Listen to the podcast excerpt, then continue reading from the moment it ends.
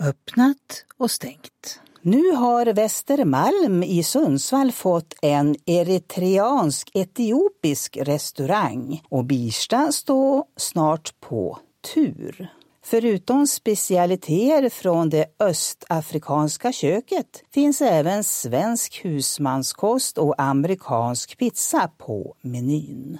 Förhoppningsvis är att den blandade lunchbuffén kan fungera som ingångsport för den som inte är bekant med eritreanska och etiopiska rätter som traditionellt innehåller milda till kryddstarka grönsaks och kötträtter. Signi är till exempel en klassisk gryta där inga bestick behövs då injera, ett slags surdegstunnbröd av teffmjöl, äts till.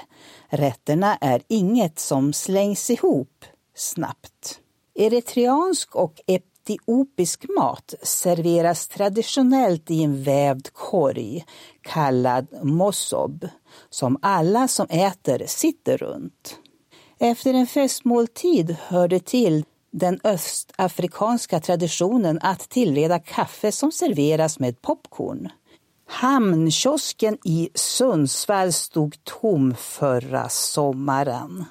Nu ska Café Charm öppna upp. Tyngdpunkten i utbudet kommer att ligga på glassortimentet. Fokus kommer att vara glass men även kaffe, fikabröd och korv, säger Marie Strömberg till Sundsvalls Tidning. Svägerskorna Maria Alsen och Hanna Alsen driver företaget Rapakavi. På Storgatan i Örnsköldsvik slår snart dörrarna upp för inlämning av fritidsprylar. Tanken är att privatpersoner lämnar in friluftsprylar och friluftskläder som sedan företaget säljer via webbshoppen och på plats i butiken. Vi siktar på premiumvarumärken, sånt som håller länge och är tidlöst. Vi tror att det är många som sitter på bra kläder som man kanske inte alls är nöjd med. Kanske har någon vuxit ur ett par kängor och ska köpa nytt istället. Då tänker vi att det är fint om prylarna kan leva vidare.